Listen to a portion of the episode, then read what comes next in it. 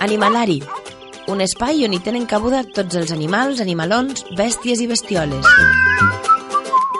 Tens una mascota? T'agraden els animals? Cada setmana ens endinsem en el món animal de la mà dels professionals veterinaris de Nexo of the Vet. Obrim una setmana més l'espai animalària, aquesta secció per parlar d'animals a Ràdio Tortosa. Ens acompanya de nou el nostre veterinari de capçalera, Josep Anguera, director de l'Hospital Clínic Veterinari Nexo of Tebet de Tortosa. Molt bon dia. Bon dia, Núria. I avui volem aclarir conceptes eh, i explicar una nova normativa Sobretot per diferenciar o per saber quines són les diferències que hi ha entre una clínica veterinària, un hospital clínic veterinari, un consultori, perquè imagino que són diferents els serveis que poden prestar cadascun d'aquests centres i també perquè els propietaris d'animals sapiguem doncs, en tot moment quins requisits ha de complir un i quins requisits ha de complir l'altre i els serveis que ens poden oferir, no? En què canvia la nova normativa respecte a la que hi havia anteriorment, Josep? Molt bé, Núria. Bueno, primer dir-te que, que aquesta classificació fa un munt d'anys que està. ¿vale? Eh, el que passa que aquesta classificació eh, la tenia cada col·legi provincial individualment i s'hi pareixien bastant, però no està bonificada. No? Aquí el que ha passat ara, eh, des de l'any 2013 es va publicar una normativa al Consell de Col·legis Veterinaris uh -huh. d'Espanya i a poc a poc tots els col·legis l'han anat eh, assumint o l'han anat fent seva. No? D'aquesta manera, eh, qualsevol clínica té la mateixa classificació i els mateixos requisits on sigui. No? Mm, aquí al Col·legi de Tarragona, concretament, crec que eh, s'ha adoptat totalment aquesta normativa des del desembre passat, des del mm -hmm. desembre de 2016, no? que era quan acabava una mica el, el període per a poder adherir-se. Molt bé. Doncs, si et sembla, anem per parts i definim cadascun d'aquests centres i, i expliquem també primer què és i després quins serveis poden oferir. No? Segurament eh, a la base tindríem el més bàsic, que seria el consultori veterinari. Sí, eh, la classificació en principi reconeix tres tipus de, de centre veterinari el primer seria un consultori, que seria el més bàsic, després estaria una clínica veterinària uh mhm. -huh. i al final un hospital veterinari. Molt bé. Vale. Si comencem pel més baix, bueno, una mica perquè la gent ho entengui fàcil, seria una estructura similar a lo que es fa en humana. Vale? Uh mhm. -huh. Consultori és el lloc on es va fer l'atenció primària. Vale? On eh, el propietari de la mascota pot trobar pues, una primera opinió, on pot anar a fer prevenció, ficar vacunes, on pot anar a fer petites intervencions, on pot anar bueno, pues això, l'atenció primària, el veterinari de capçalera, molt bé, molt podríem dir així, no? Mm, aquest centre, en principi, no ha de tenir molt equipament, ha de tenir una sala independent per a passar consulta, ha de tenir una sala d'espera, pot tenir o no un espai dedicat a la venda d'accessoris, d'alimentació i d'útils per a, per a les mascotes i bueno, un equipament mínim, eh, pues un fonendo, un otoscopi, un, el que pugui mm, ser de menester per, a, per al dia a dia, no? per a una consulta de dia a dia. Eh, en principi, la gran diferència és que abans aquest consultori amb aquest equipament o amb un equipament una mica més podia fer cirurgies i ara en la nova normativa els consultoris no poden fer cirurgies.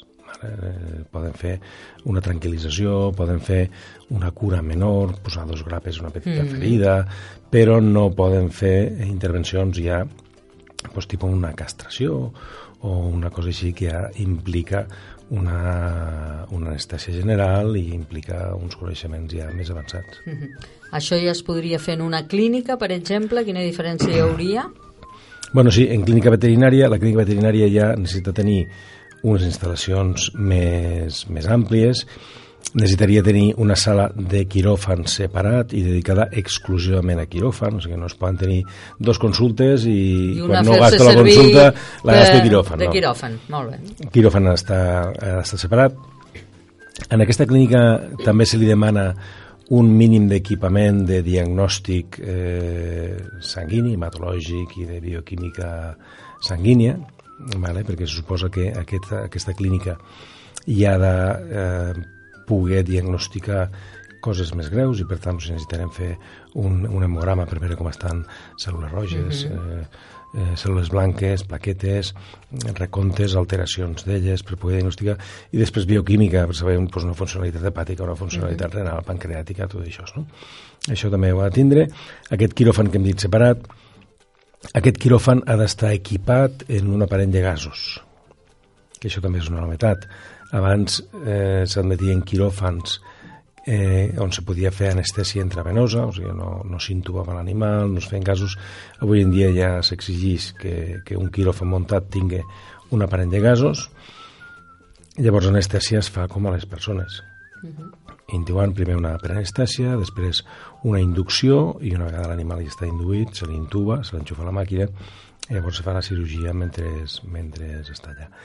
Aquest quiròfan que implica més? Implica tenir doncs, un, un autoclau o un aparell d'esterilització del material, eh, bueno, implica ja anar una mica més enllà. Uh -huh. Però la clínica pot estar mm, ocupada per un sol veterinari. Pot haver un veterinari, per exemple, en un parell d'auxiliars i pot portar aquesta clínica perfectament, sense uh -huh. cap tipus de problema. Molt bé. Vale? Eh, consultori també pot haver un veterinari sol o pot haver un veterinari també en algun auxiliar. Uh -huh. I el tercer grau, no? Ja diríem, el superior seria l'hospital clínic veterinari. Sí, l'hospital veterinari i estem parlant... l'hospital de... veterinari sí. seria el correcte, no? Eh, estem parlant d'una estructura més gran, estem parlant d'una estructura que com a mínim ha de tenir quatre veterinaris, perquè és un lloc on ja es donen urgències, uh -huh. és un lloc on també ha d'haver un servei d'hospitalització, aquest servei d'hospitalització que no estaria en clínica ni estaria en consultori, ens permet tenir les mascotes eh, controlades a, a dintre de l'hospital, no?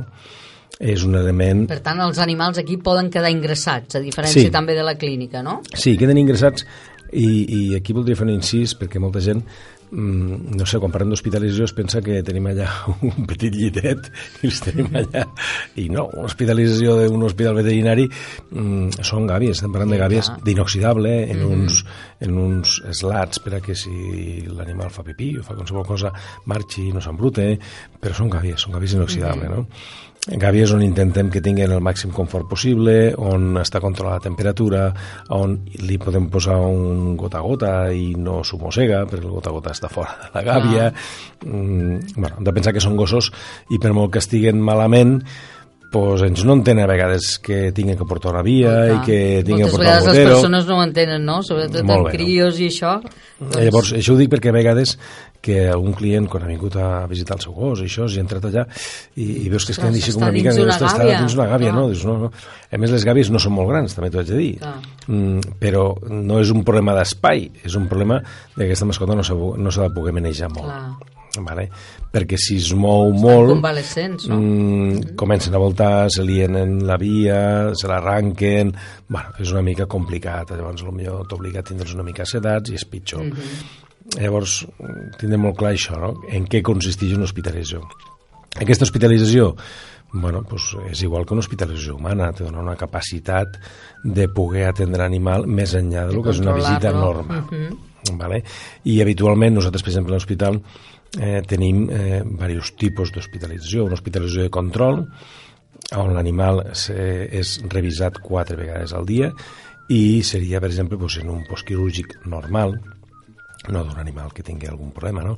Postquirúrgic, per exemple, una castració, seria una hospitalització de control, mm, un animal eh, que se li ha de fer, per exemple, una curva de glucosa o que se li ha de fer eh, algun tipus de prova i ha d'estar controlat unes hores l'hem de tenir allà.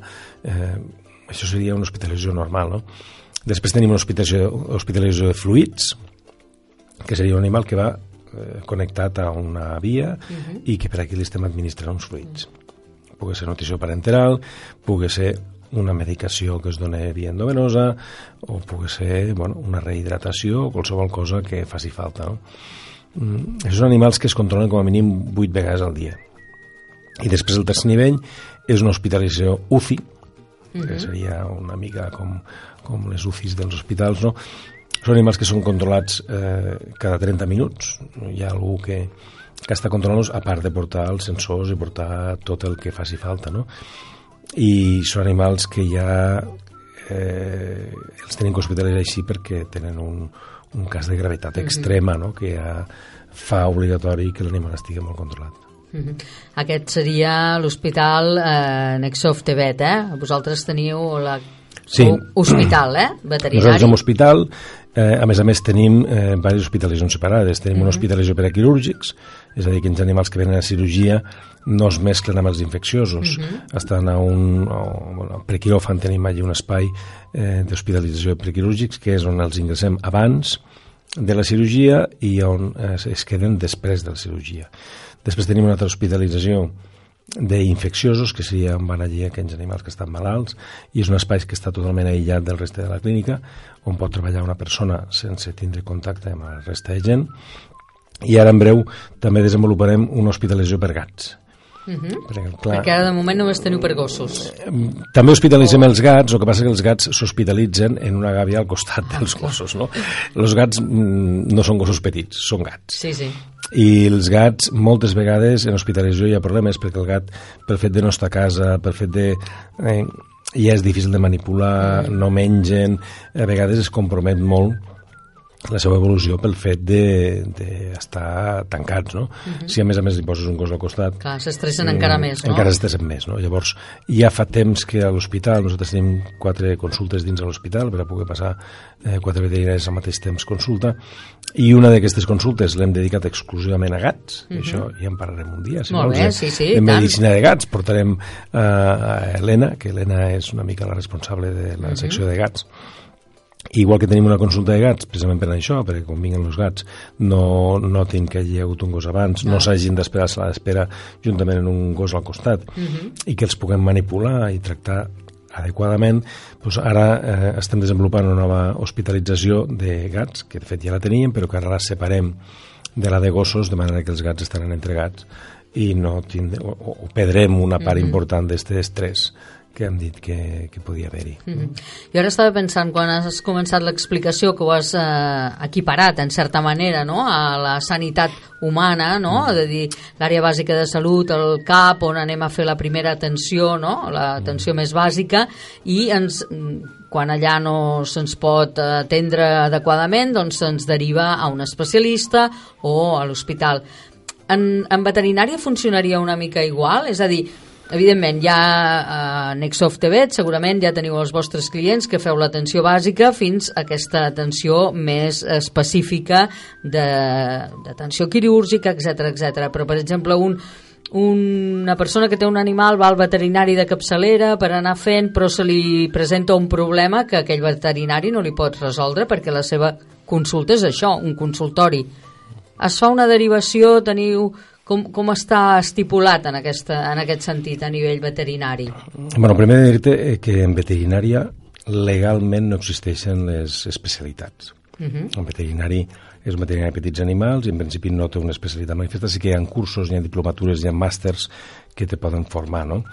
Llavors, nosaltres a l'hospital eh, el que tenim és eh, els veterinaris responsables de cada àrea. Jo, per exemple, porto directament tot el que és cirurgia i traumatologia. Mm -hmm. El Manel porta més medicina interna i dermato, la Eli porta més cardio i, i temes eh, circulatoris, l'Helena porta més temes de gats. Llavors, en principi, això ja et permet una capacitat de treball més àmplia. O sigui, al final, eh, tens una persona responsable que se prepara per anar això, -hmm. que té molts més coneixements i a part també l'equipament eh, tens un equipament que costa el mateix que l'equipament de, de persones. Eh, nosaltres, per exemple, mm -hmm. vam incorporar un ecocardio fa un any o una cosa així, i, i al mateix temps aquí a Tortosa es va comprar un ecocardio igual per una clínica per a les persones eh, la mateixa marca, el mateix aparell, el mateix model, tot igual no?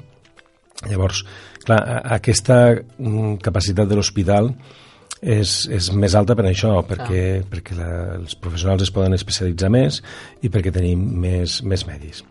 Tema de la derivació. És un tema que, que jo crec que, és, que ha estat bé que el toquis, no? perquè moltes vegades en veterinari a vegades costa, vale? a vegades eh, com que tenim molta confiança en el veterinari de tota la vida mm. i tot, i, ostres, i si vaig a un altre lloc li sabrà mal, a vegades al veterinari també li sap mal proposar de canviar de clínica, Bueno, nosaltres dic que no hi ha cap tipus de problema. Nosaltres tenim tant clients propis com clients remesos d'altres veterinaris que ens envien el cas a vegades, senzillament per fer una prova, pot ser una... Clar, una, és, que és el que dèiem, no? Un consultori, segons quines proves ja una no es poden fer digital, per i exemple. segons quines intervencions Hi- tampoc, Hi ha clar. consultoris que ens envien a un client per fer una radiografia Mhm. digital i nosaltres retornem al client en la radiografia feta i ja està, i llavors el veterinari continua la seva feina, o que el remeten ja perquè és un cas complicat, o perquè s'ha de fer una hospitalització i ells no poden fer-la, o perquè s'ha de fer una cirurgia complicada, o s'ha de fer qualsevol cosa, no?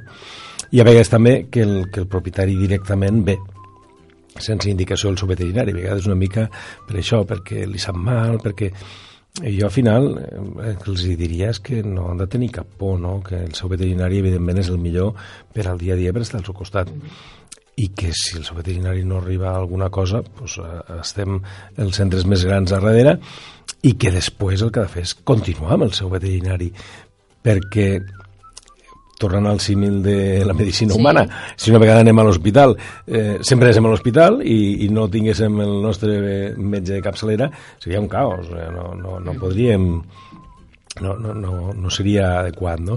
Llavors, eh, la gent el que ha de veure és que anar a un centre una mica més gran a obtindre un servei més especialitzat o més ampli, eh, eh, res vol dir que no hagi de tornar al seu veterinari inicial. Mhm. eh, quines obligacions cal que compleixin de cara a l'usuari als diferents centres? Eh? Suposo que han de tenir, han d'exhibir algun tipus de, o la normativa o dir mm. aquest és un consultori, això és una clínica, perquè no hi hagi confusió, perquè el client eh, tingui clar què es pot fer i què no es pot fer en Mm. aquell centre, no?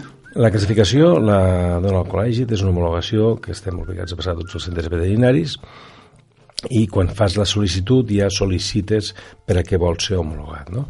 I has de complir. Llavors, eh, te ve un inspector del Col·legi de Veterinaris, te passa revisió que compleixis amb tot, eh, tota la normativa, tot el que se't demana, i quan això és, és tot correcte, eh, s'expedeix un, un distintiu.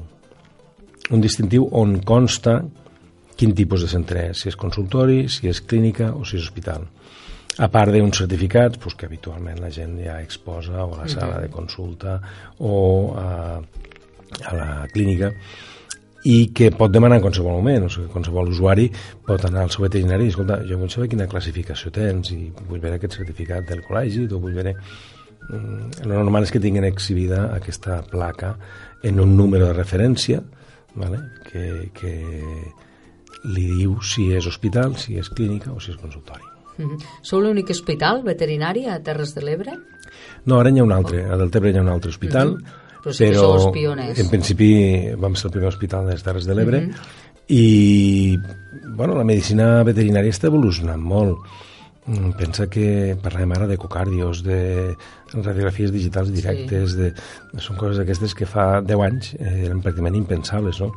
Avui en dia es parlen de resonàncies, de tacs, de bueno, un tema diagnòstic Clar. que el que ens agafa ja els que hem començat de fa uns anys que estem treballant al sector, clar, de pensar com vam començar que ja en aquella època, doncs ara ja farà 22 anys, o sí, 22 anys que vam a la clínica, en aquella època ja vam començar en un raig X i vam començar en un ecògraf i era, bueno, mm, brutal. Clar, penses en el raig X d'aquella època, que anàvem encara en pel·lícules, revelant a mà, eh, que el tanc havia d'estar a una temperatura, que no sé què. Eh, avui en dia et poses allà a l'aparell de raig digital i vas apretant el botó i cada 3 segons fas un disparo. I tant com fas el disparo te surt a la pantalla i damunt agafes un programa d'aquests de processació de- d'imatges i, la, i pots Clar. canviar el brillo, la pots fer més fosca, la pots fer més clara, pots invertir eh, de eh, negatiu en positiu, li pots donar colors a les densitats, li pots eh, fer efecte lupa i veure-ho més gran. És, és, bueno, no té res, no té res a No té veure. res a veure amb fa uns anys. Eh, no sé si ha evolucionat de forma paral·lela també a la medicina humana en aquest sentit, a nivell de, de tècniques que s'utilitzen per, eh, doncs això, no? tècniques de la imatge i de... Home, evidentment, nosaltres eh, una mica som eh, els germans petits no?, de la medicina humana. En veterinària, mm, clar, la desavantatge que tenim, entre cometes, és que nosaltres som medicina privada. Eh, en medicina humana i més en medicina pública, la veritat és que els equipaments són molt, molt bons, són excel·lents. I nosaltres hi ha coses a les que encara no podem accedir o que és molt difícil, com per exemple doncs, tot el que seria mm, radiomedicina o Mhm. irradiació de tumors i això. Ja. Ara tot just han obert el primer centre en tota Espanya, que està a Còrdoba. no hi ha cap altre centre. Eh, clar, tot això a poc a poc, per què? Pues perquè els aparells ja diem que, que valen molts de Són calés molt cars, clar. i, i clar, ho hem d'emprendre com, com una inversió no? i aquesta inversió s'ha d'amortitzar també t'haig de dir que la mentalitat de la gent ha canviat molt que cada vegada la mascota és un mes de casa clar. i quan a un de casa li passa qualsevol cosa eh, Es fa el que es gent- pot, sí, no? Sí, sí, es fa el que sigui, no? No com abans, que potser l'animal, doncs bé, si... Cada cop més han començat a aparèixer també les assegurances per a mascotes, que això, vols Això un dia, també un dia n'hem de parlar, Podem parlar de les assegurances de les mascotes, de assegurances de tipus clínic, no hi ha sols una responsabilitat civil per si la Sí. mascota provoca algun tipus de, de percans, no?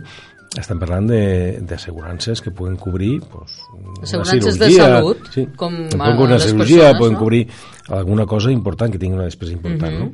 Això sí que aquí a Espanya encara ens costa una mica, eh, a països com Anglaterra te diria que més d'un 50% de les mascotes estan assegurades. Mm -hmm. això que fa? Que, que, bueno, que es puguin fer tractaments molt millors o molt més cars, per dir-ho així, perquè una asseguradora detrás que, que pot Que respondre cobreix. això. Sí, sí. Doncs és interessant també que un dia ho expliquem, perquè potser és un tema que la gent desconeix eh, més i seria interessant també parlar-ne. Avui el que hem volgut és aclarir conceptes, com dèiem al principi, no? de què és un consultori, de què és una clínica i de què és un hospital veterinari i, ca, i què pot fer i què no cadascun d'aquests centres eh, dedicats a la cura dels animals. El que ens ha quedat claríssim i ja ho vam explicar al primer programa és que eh, Nexoft TV és un hospital veterinari, aquí s'hi poden fer doncs, eh, tots els serveis que mm. comentàvem, no? des de la primera atenció fins a urgències, fins a qualsevol tipus d'intervenció quirúrgica i també doncs, funcionar com a hospital no d'ingrés de- d'animals. Nexoft TV de Tortosa, els veterinaris de confiança que cada setmana ens expliquen eh, i ens donen consells per tenir cura de les nostres mascotes. Eh, Josep Anguera, t'esperem la setmana que ve més coses. Gràcies, Núria. Gràcies, molt bon dia.